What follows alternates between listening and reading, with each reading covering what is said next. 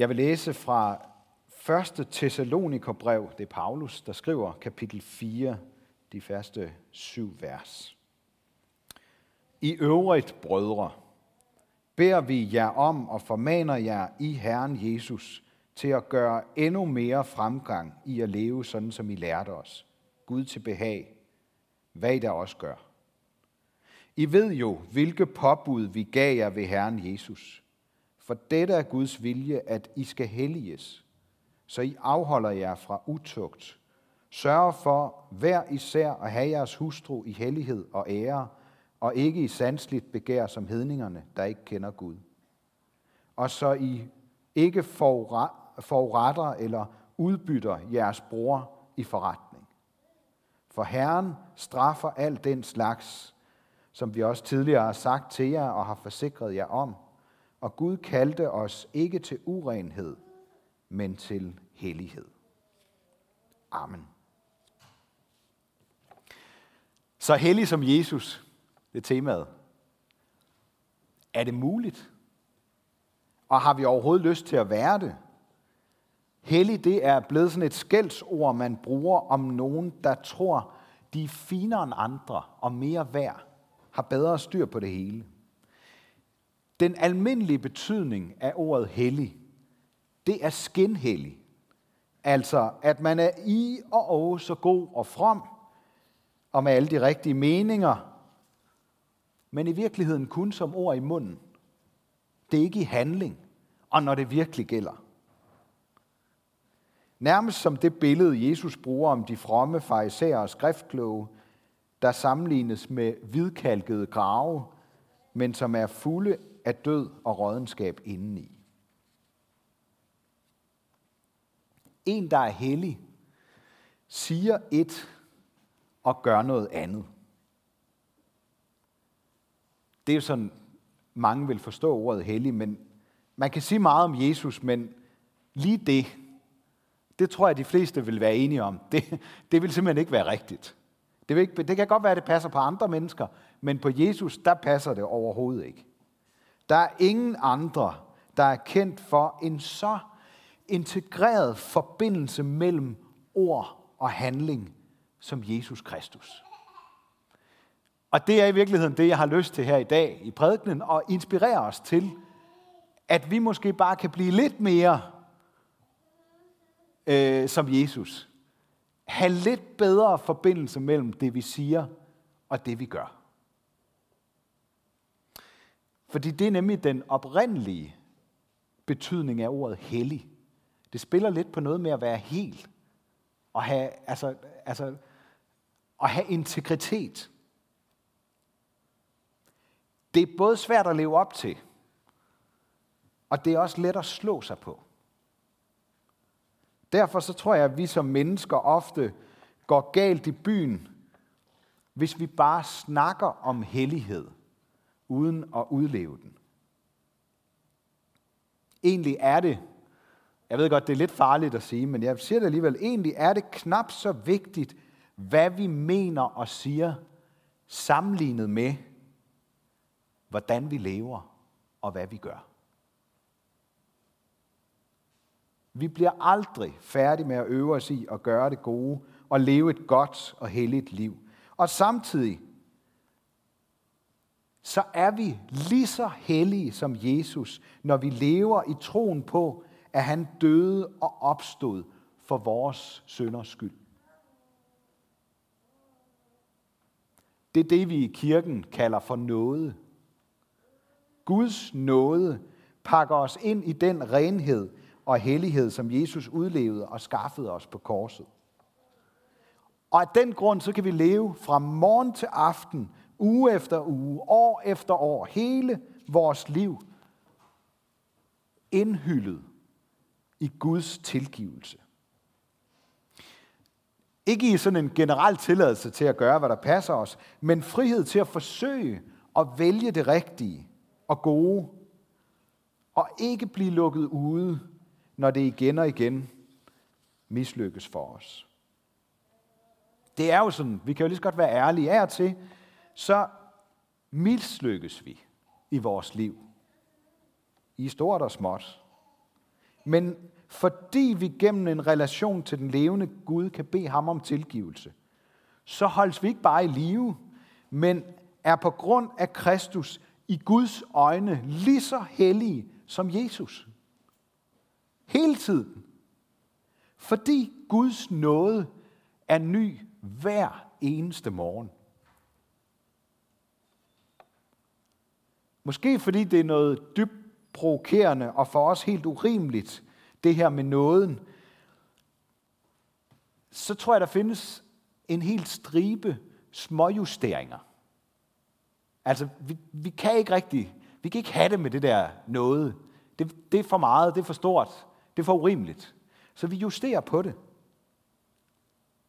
For det første, så tror jeg, der er mange af os, der sådan instinktivt tænker, at der, altså i hvert fald for de andre, må være en grænse for, hvad Gud kan tilgive. Gud tilgiver vel kun gode mennesker, eller, eller i hvert fald dem, der ønsker at være gode. Dem, der ikke begår dødssynder, og slår ihjel for eksempel, og sådan noget. Helt utilgiveligt. Der kan også være noget tiltalende ved at tænke om noget som sådan en slags belønning til dem, der virkelig gør en indsats for at være gode. Men nåden er så radikal, at Jesus siger, at Gud er god selv mod utaknemmelige og onde mennesker. Og derfor så findes der for alle mennesker i alle situationer altid en vej tilbage til Gud. Og det er på grund af nåden. Andre gange, så kan det ske for os, at, at nåden bliver sådan en, sådan en grundteori, vi kender, men som ikke får nogen konsekvenser for vores måde at leve på. Det der med helligheden, det der med at forbedre sig, det bliver annulleret, fordi Jesus har jo sørget for alt det, der skal til. Vi er frie til at gøre, som vi føler for, og som vi selv synes er det mest rigtige. Selvfølgelig er det misforstået. Vi skal jo ikke synde mere, fordi vi kender til nåden. Men syndens greb i os skal gøre os afhængige af nåden på den gode måde. Endelig så kan det være, at vi bruger nåden som en undskyldning.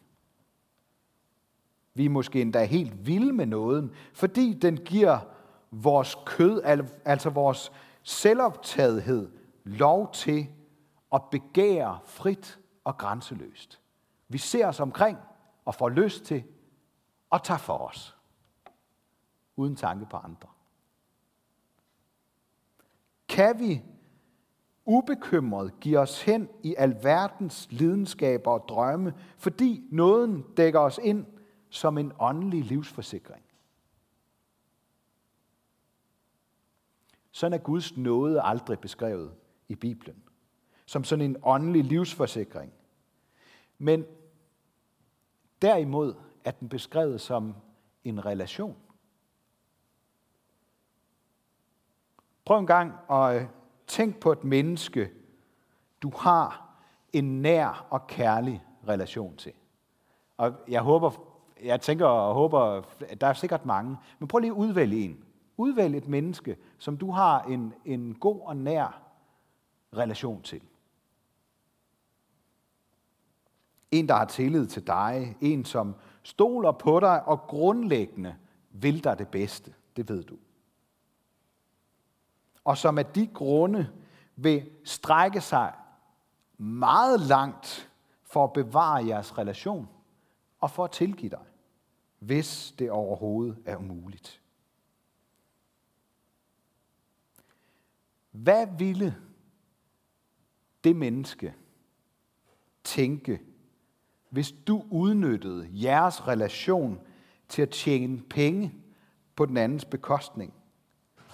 Eller gang på gang ikke mødte op, når I havde en aftale? Eller var utro, hvis det var en kærlighedsrelation, du tænker på? Vil det ikke presse jeres relation, jeres forhold helt utroligt? Jeg siger det her, fordi det kan være med til at motivere os på den gode måde til at være hellige, når det handler om vores relation til Gud. Det handler om relation, det her.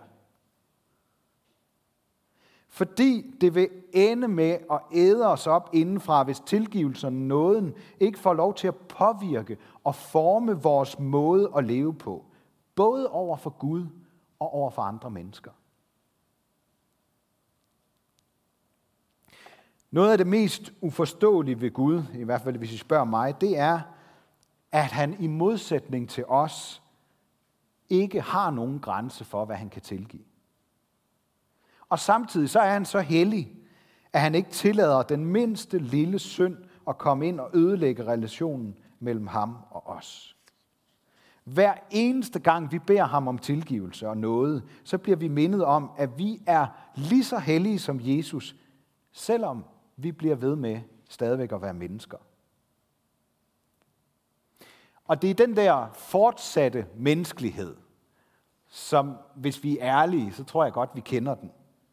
Det er den, Paulus formaner, når han nævner utugt og udnyttelse af andre i forhold til penge. Utugt og griskhed. Hvorfor, hvorfor lige de to sønder? Fordi de begge to i meget høj grad kan ødelægge relationerne. Forstyr på pengesagerne, så det ikke ødelægger relationen.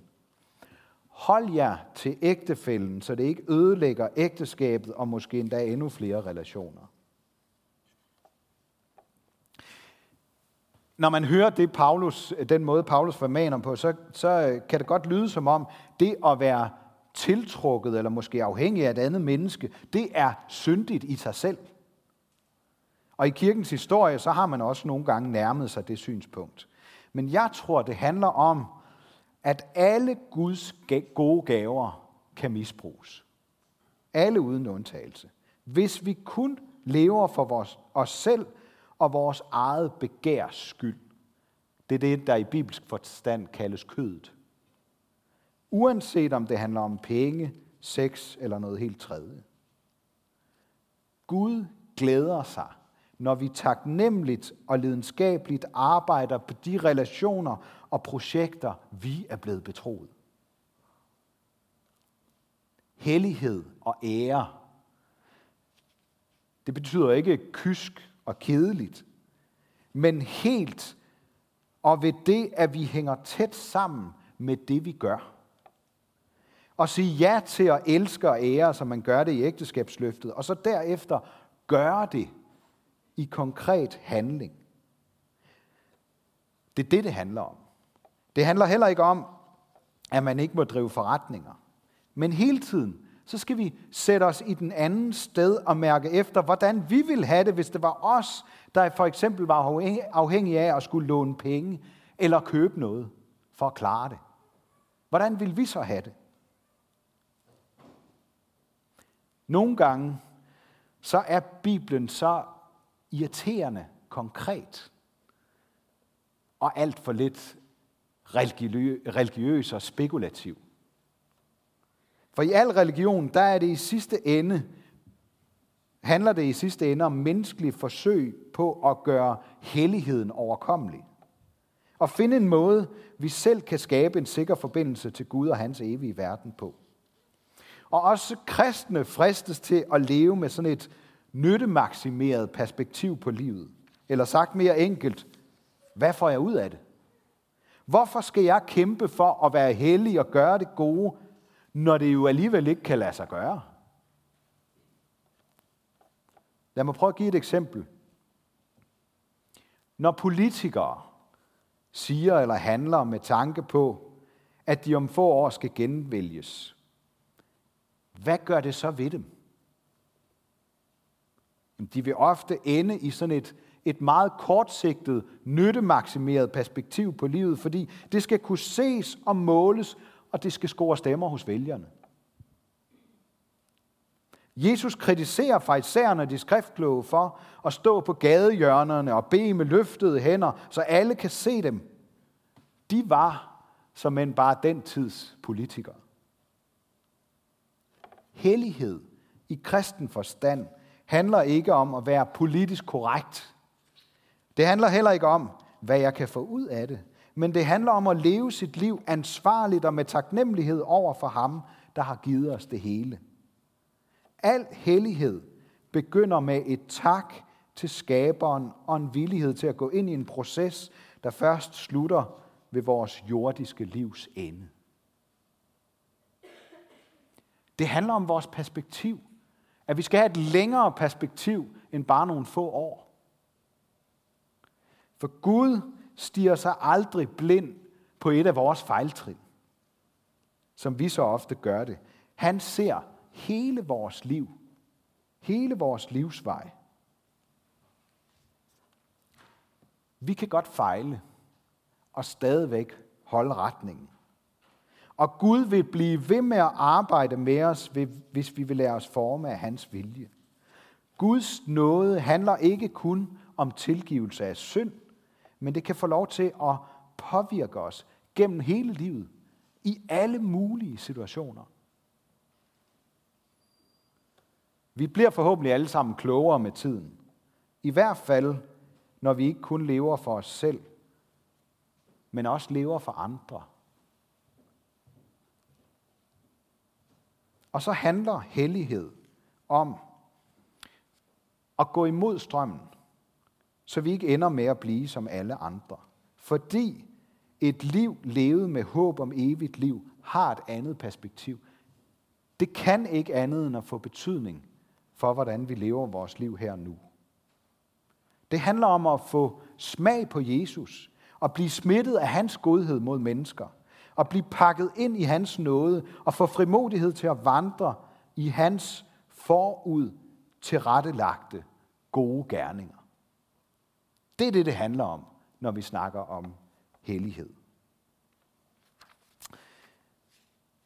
Og så har jeg lyst til at slutte prædikenen lidt anderledes, fordi ellers så bliver det jo bare ligesom, det plejer en hel masse ord, og så glemmer man det og tager hver til sit. Så vi skal prøve, Øh, det er jo ligesom hovedbudskabet, det skal ikke bare være ord, men det skal være ord, der hænger sammen med vores handlinger. Og jeg har taget et, øh, et skriftsted med, som vi kan få op her på skærmen, og øh, så vil jeg invitere jer til at, øh, at rejse jer op, og så vil, vi, øh, så vil vi både sige og gøre det, der står her. Og så øh, kan I tage det med, med jer hjem. Måske bruge det derhjemme, det må I selv om. Men øh, nu, øh, øh, nu tager vi det i hvert fald her. Og øh, I er jo vant til det fra børnekirkesangen og sådan noget. Der bruger vi nogle fakter, mens vi synger. Og det skal vi også gøre nu. Øh, det er sådan det har jeg fundet ud af i de senere år, at det er i hvert fald noget, der kan hjælpe mig til at forstå bedre, fordi det nogle gange er, når det sætter sig i kroppen, at vi forstår tingene. Så øh, det vi kan gøre, det er, at vi kan øh, øh gøre sådan her. For hans værk er vi. Og så skal I forestille jer, at det er hele jeres krop. Hans værk er vi. Skabt i Kristus Jesus, så tegner vi et kors, til gode gerninger, der rækker vi hånden frem og hjælper. Som Gud forud har lagt til rette for os og vandre i. Så tager vi et par skridt på stedet. Vi prøver igen. For Guds værk er vi. skabt i Kristus Jesus til gode gerninger, som Gud forud har lagt til rette for os og vandre i. For Guds værk er vi, skabt i Kristus Jesus til gode gerninger, som Gud forud har lagt til rette for os at vandre i.